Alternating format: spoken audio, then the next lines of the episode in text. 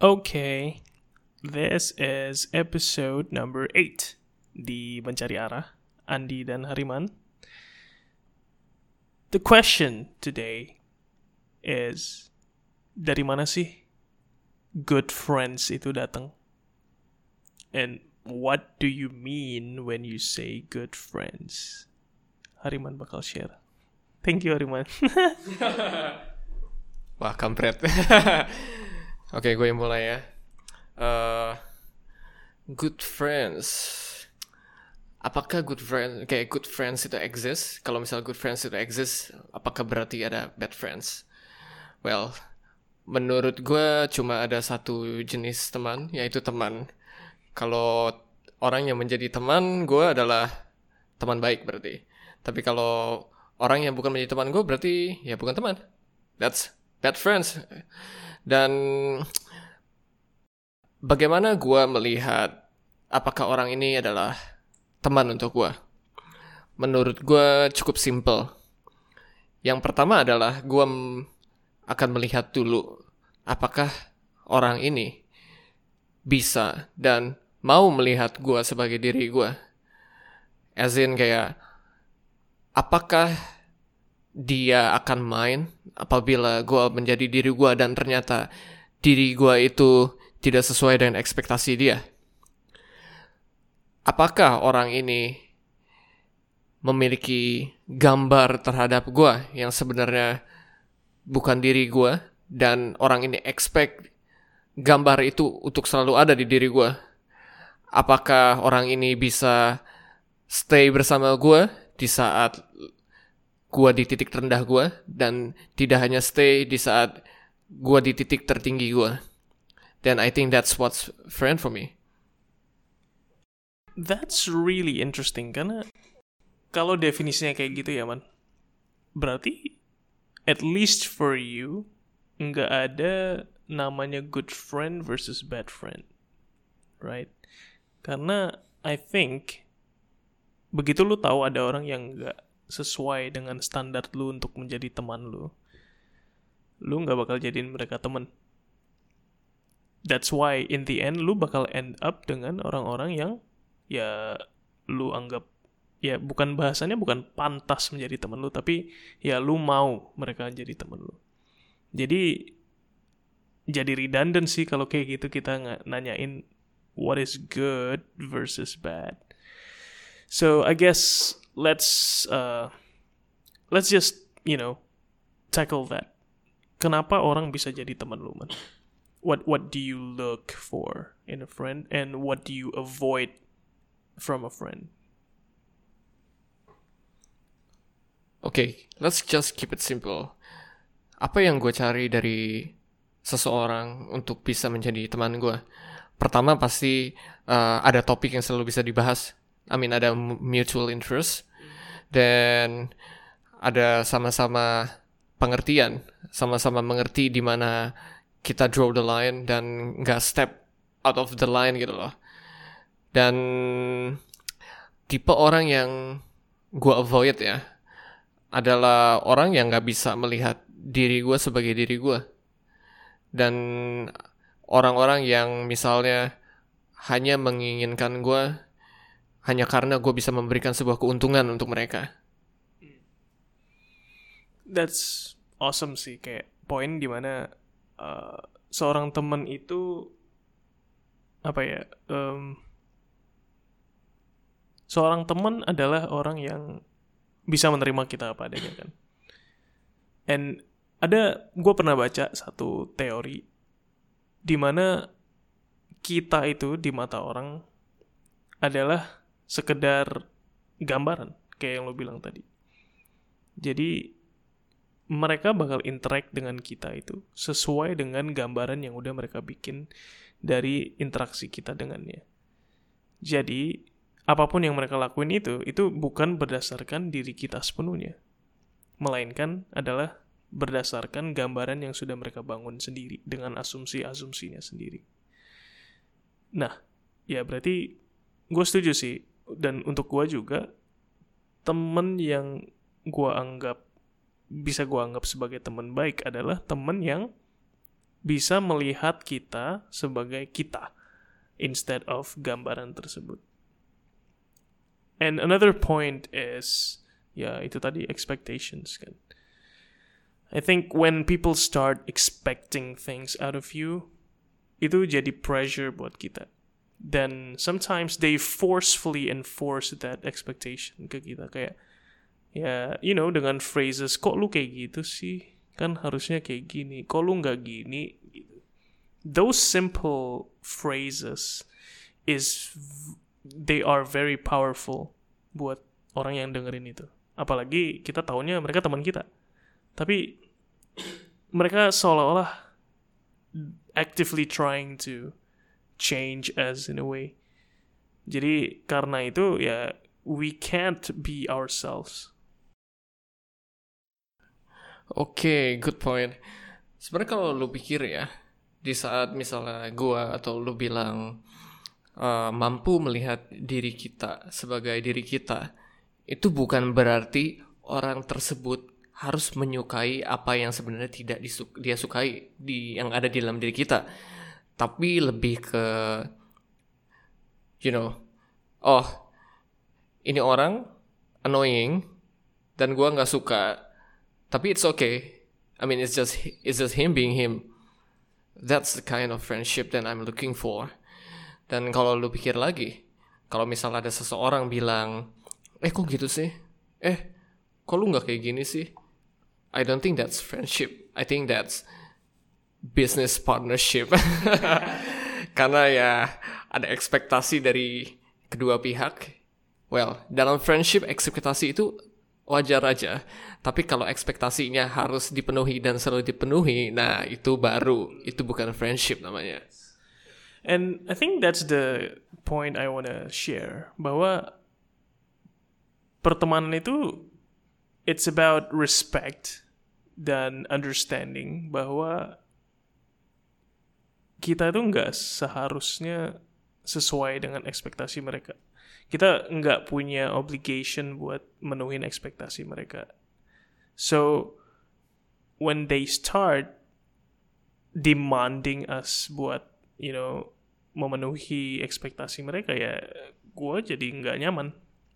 Dan I guess being myself gue nggak suka kalau diatur-atur sama orang kayak gitu kan jadi I mean for me personally ya gue bakal langsung decide we're not gonna be friends buddy jadi untuk gua sih lumayan simple.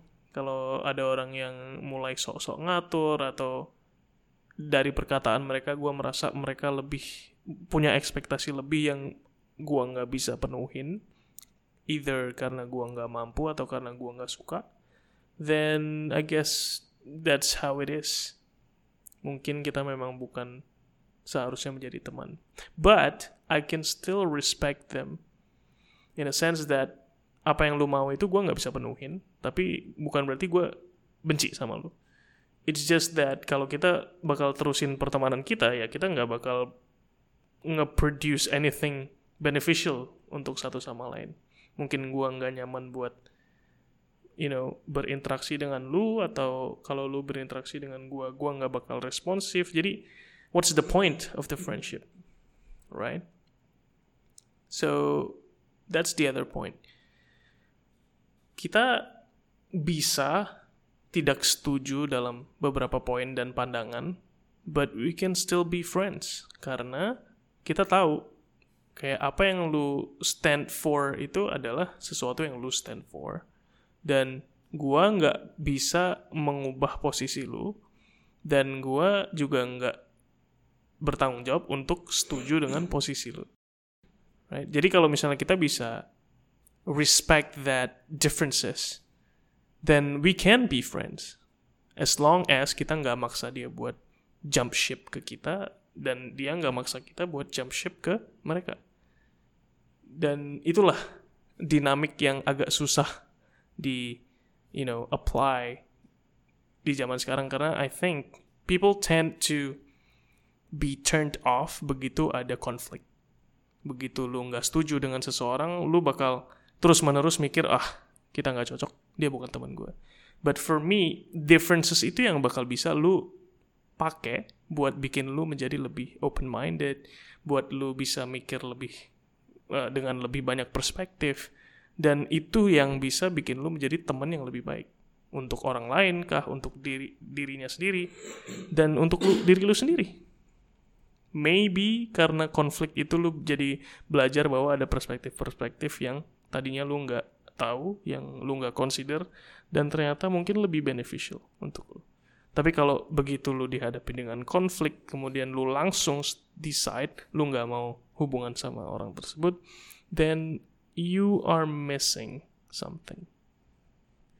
Right? So, I think the point I want to say is embrace differences and stop opposing them. Use it to your advantage. Well said. well, actually gue tiba-tiba kepikiran sebuah hal nih.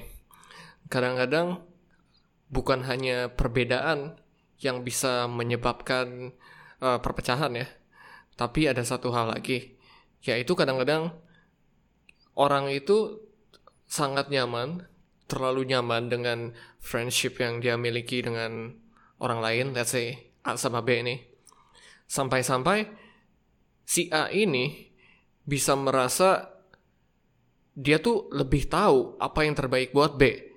Hmm. Makanya kalau lu kalau lu tahu ya, sering banget tuh orang bilang misalnya, "Oh, B, gue mau lu melakukan hal ini karena gue mau selalu yang terbaik buat lu."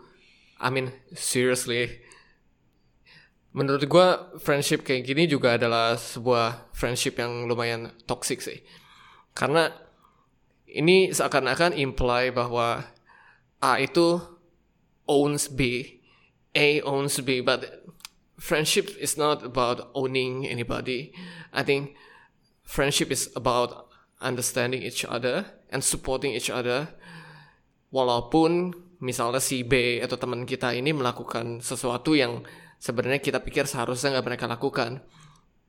Menurut gue yang paling tepat adalah seburuk apa pun keputusan akan diambil si B, kita sebagai teman masih bisa ngasih tahu, oh ya B, menurut gua itu bukan hal yang baik, tapi kalau misalnya lu masih melakukan hal itu karena lu merasa itu keputusan terbaik buat lu, gua bakal support lu. So whatever the result is in the future, I will still be supporting you. I think that's really powerful, man. Berarti teman itu tuh bukan orang tua. ya, yeah, I mean, I'm not saying this buat ngejelek-jelekin the image of orang tua, tapi you know as well as I do bahwa orang tua bisa lebih uh, merasa entitled buat memberikan opini mereka karena mereka merasa well we raised you, we know what's best for you gitu kan. But for me based dari yang lu omongin tadi, temen itu lebih kayak safety net I would say. Di mana your friends will enable you to experiment. Mereka bakal bisa bikin lu untuk nge-explore apa yang lu mau dengan guarantee bahwa di mana lu di saat lu fail lu bakal bisa tetap punya support network yang uh, adalah teman-teman lu tadi dan ya balik lagi kalau teman-teman lu actively trying to prevent you from experimenting atau mereka uh, discourage you untuk ngelakuin sesuatu yang lu rasa benar, then who are you? Apa yang lu jalanin itu berarti bukan sesuatu yang lu mau jalanin. You are not living your life. Dan teman yang baik bukan teman yang ngatur hidup lu. Tapi adalah teman-teman yang ngeyakinin lu bahwa kalau lu gagal nantinya, gue bakal tetap ada di sini buat lu. And then we can explore more things together. And I think that's what's important. Dan itulah yang gue cari dari temen. Gue nggak butuh kok temen yang bisa, you know, bantu gue untuk menjadi lebih baik, although it can be nice. Tapi yang lebih penting adalah gue pengen punya temen yang tahu struggles gue, tahu perjalanan gue, dan mereka nggak judge gue, dan mereka supportive in a sense that begitu gue gagal, mereka nggak ngata-ngatain kita, mereka nggak jelek-jelekin kita. And they don't say to your face I told you so. But lebih ke teman-teman yang bakal ada di situ dan begitu gue gagal mereka bakal tanya well what do you need now?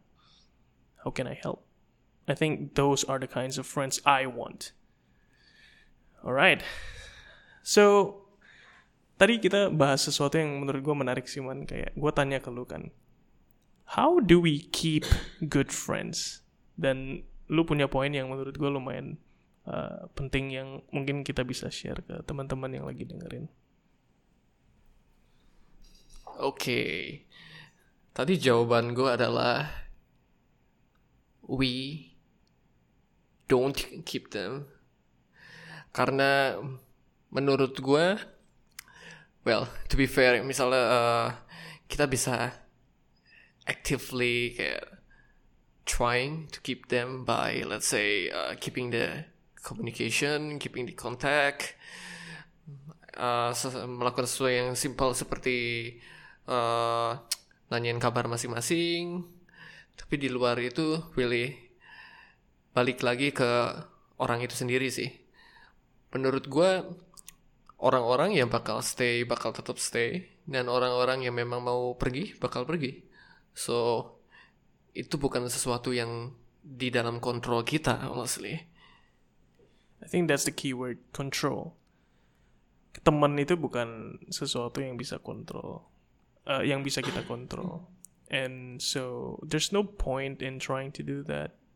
But yang dari pembahasan kita tadi gue juga bilang kan kayak uh, rather than control, I think the word we're looking for is influence. Kita bisa uh, you know mempengaruhi mereka untuk uh, you know bisa menjadi teman kita atau enggak. And this happens without us knowing as well. Kayak our actions, our words, dan uh, uh, interaksi kita sepanjang kita berteman dengan seseorang itu itu itu adalah faktor-faktor yang bakal uh, membantu mereka untuk memutuskan apakah mereka mau jadi teman kita atau enggak kan. So in that sense, I think we can keep some friends, right? So I guess we should explore that kayak apa yang bisa kita lakuin supaya teman-teman kita mau tetap jadi teman kita man dan mungkin ada hal-hal yang bisa kita avoid supaya teman kita nggak kabur because we don't want that well menurut gue ini cukup simpel sih. Apa hal yang kita bisa avoid supaya teman kita nggak kabur? Ya jangan jadi jangan jadi temen yang brengsek. Jangan jadi temen yang setiap 10 menit tuh kerjaannya marah-marah ke temennya. Jangan jadi temen yang tiap jam, wah, ngejar-ngejar temennya hanya karena misalnya gak balas chat lah, atau karena gak mau diajak main lah. Jangan jadi temen yang dendaman lah. I mean, untuk untuk mendapatkan sebuah seorang teman yang baik, kita juga harus bisa menjadi teman yang baik dulu. Gue gue pick up a trend sih dari yang tadi lu ngomong. Berarti cara kita supaya bikin teman kita nggak kabur adalah untuk make sure kita berikan mereka cukup space. Their personal space. Dan jangan sampai kita demand mereka punya personal space supaya bisa kita occupy all the time. I think that's itu yang bikin teman kabur nggak sih? Kayak when you when kita merasa suffocated kita merasa aduh teman ini although I love her or him tapi kok dia makan waktu gue banyak banget ya? Although I'm willing to give that space tapi cepat atau lambat itu bakal mempengaruhi hidup gue sebagai teman dari si teman yang ini jadi kalau kita mau tetap nyimpen seorang teman kita harus make sure mereka punya enough room buat ngelakuin apa yang mereka mau lakuin sebagai individual. Jangan sampai hidup dia itu kita genggam. Jangan sampai kita bikin hidup mereka revolve around our life. I think that's uh, asking for too much from anyone, to be honest, even your family. Karena kita hidup uh, menjalani hidup kita sendiri dan banyak hal yang pengen kita jalanin. Dan kalau misalnya teman kita selalu demand our time and attention then we can't live dan kalau kita nggak bisa hidup diri sendiri I mean kita punya hidup dan how can we be good friends right? So i guess that's one. You should give space Dan gue tambahin satu hal lagi sih. Mungkin kalian pernah dengar yang namanya like attracts like. So uh, artinya adalah bahwa A itu sama bakal sama A, B itu sama bakal sama B. Orang baik sama orang baik, orang yang kurang baik sama orang kurang baik. So I guess uh, untuk keep atau attract a good friend or good friends kita juga harus bisa menjadi orang yang baik juga menjadi orang yang seperti apa yang kita expect untuk miliki di hidup kita. Kebayang nggak kalau misalnya kita mau memiliki seorang mempunyai seorang teman yang jujur baik pengertian tapi kita sendiri belum mampu untuk menjadi orang yang jujur baik dengan pengertian so I guess that's not possible. Yep, I agree totally. It it really comes from you kayak. Tadi kita mungkin udah bahas uh, untuk cari temen ya kita juga harus tahu kita maunya temen itu apa sih? Kita mau temen yang kayak gimana sih? Nah dari situ baru kita bisa decide actions apa yang kita lakuin yang nge-reflect apa yang kita mau itu. Like Hariman said kalau kita mau temen yang jujur ya jangan bohong kalau kita mau temen yang baik ya treat others well kalau kita mau temen yang available, then be available first. So, in that sense, then I think itu bukan lagi adalah usaha yang perlu kita lakuin actively. Kalau kita bisa bikin actions kita nge-reflect value yang kita hargai tadi, I think temen itu yang bakal datang sendiri ke kita. Malah mereka yang nyari kita nantinya. Jadi, don't make uh, looking for friends an effort tapi lebih fokusin ke apa yang lo bisa kontrol dan yang absolutely yang bisa lo kontrol adalah diri lo sendiri. Begitu lo bisa ngelakuin itu, I'm pretty damn sure lo bakal attract teman-teman yang sesuai dengan values yang lo hargai. What else, Hariman? How do we keep our friends? Karena maybe there are things yang kita worry about di mana I don't know about you but I have a few friends yang ini ini wordsnya mereka ya mereka yang ngomong sendiri yaitu they don't deserve friends. So I know this is a heavy topic but what how how do you respond to that? What do you say to people yang bilang mereka enggak you know mereka nggak pantas buat punya temen. Dan itu bikin gue sedih karena everybody deserves a friend right? They just don't know how they can you know see that perspective right? Karena ya I think a friend is a right. Tapi balik lagi it it really depends on you. You you determine whether you have friends or not right. Tapi kalau ada yang ngomong kayak gitu gimana man kira-kira? Itu seriusan itu itu ngeri sih. Tapi kalau gue boleh tanya ya why? Kenapa mereka berpikir seperti itu? See that's exactly why I'm asking karena gue sendiri juga nggak terlalu ngerti sih kayak kenapa mereka bisa ngomong kayak gitu. But if I have to guess uh, I guess mereka sadar bahwa mereka itu nggak bisa provide things yang seharusnya di provide sebagai seorang teman. Jadi karena mereka sadar mereka nggak bisa ngelakuin itu, mereka rasa ya berarti gue seharusnya juga nggak punya teman karena gue nggak deserve teman berdasarkan actions yang uh, dia uh, reflect upon tadi.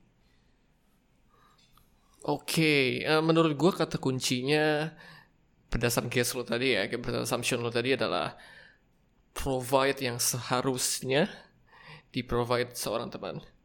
Well, honestly, uh, menurut gue sih, lu nggak bakal pernah tahu sih apa yang seharusnya di provide seorang teman. Yang lu bisa tahu dan lu bisa kontrol apa adalah apa yang lu bisa provide ke seseorang. Well, even walaupun misalnya lu nggak bisa provide apa-apa which is menurut gue very unlikely.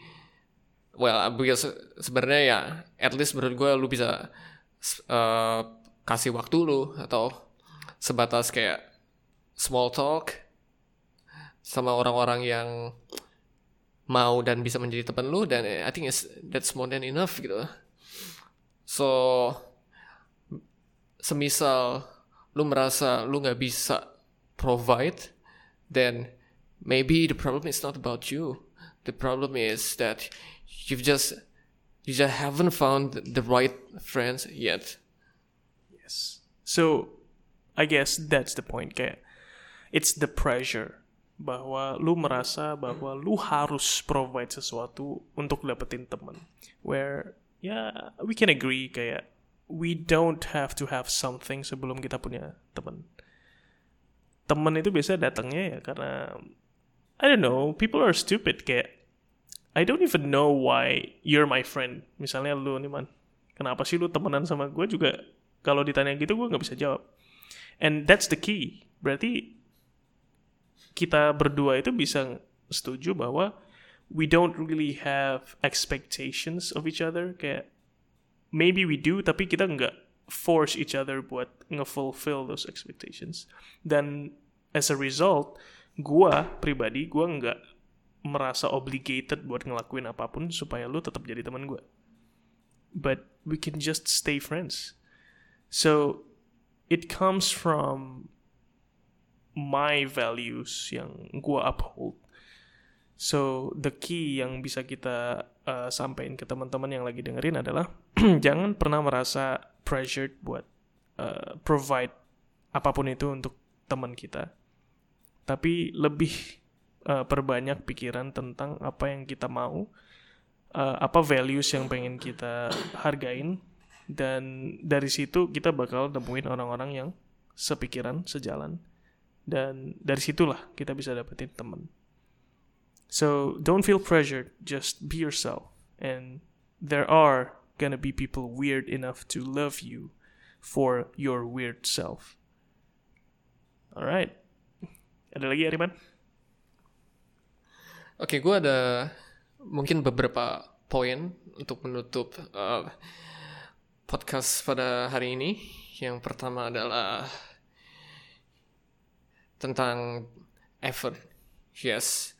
Untuk mendapatkan seorang teman menurut gue dan let's say keep teman itu lu butuh effort. Tapi kalau misalnya lu merasa effort yang lu berikan harus terlalu banyak then maybe that's not the right friendship for you. So just let it go, man. Dan yang kedua adalah ini hal yang paling gue mau dari seorang teman dan gue belum sempat bilang yaitu gue nggak mau teman yang gue nggak butuh teman yang available kayak all the time buat gue tapi gue butuh teman yang bisa menjadi teman gue kayak for the lifetime karena gue punya beberapa teman yang walaupun kita udah dipisahkan jarak kita udah lama nggak bertemu but then ketika kita bertemu atau misalnya sekedar texting doang the feeling is still the same gitu. Masih ada mutual respect, understanding, kayak we're still wishing each other kayak good.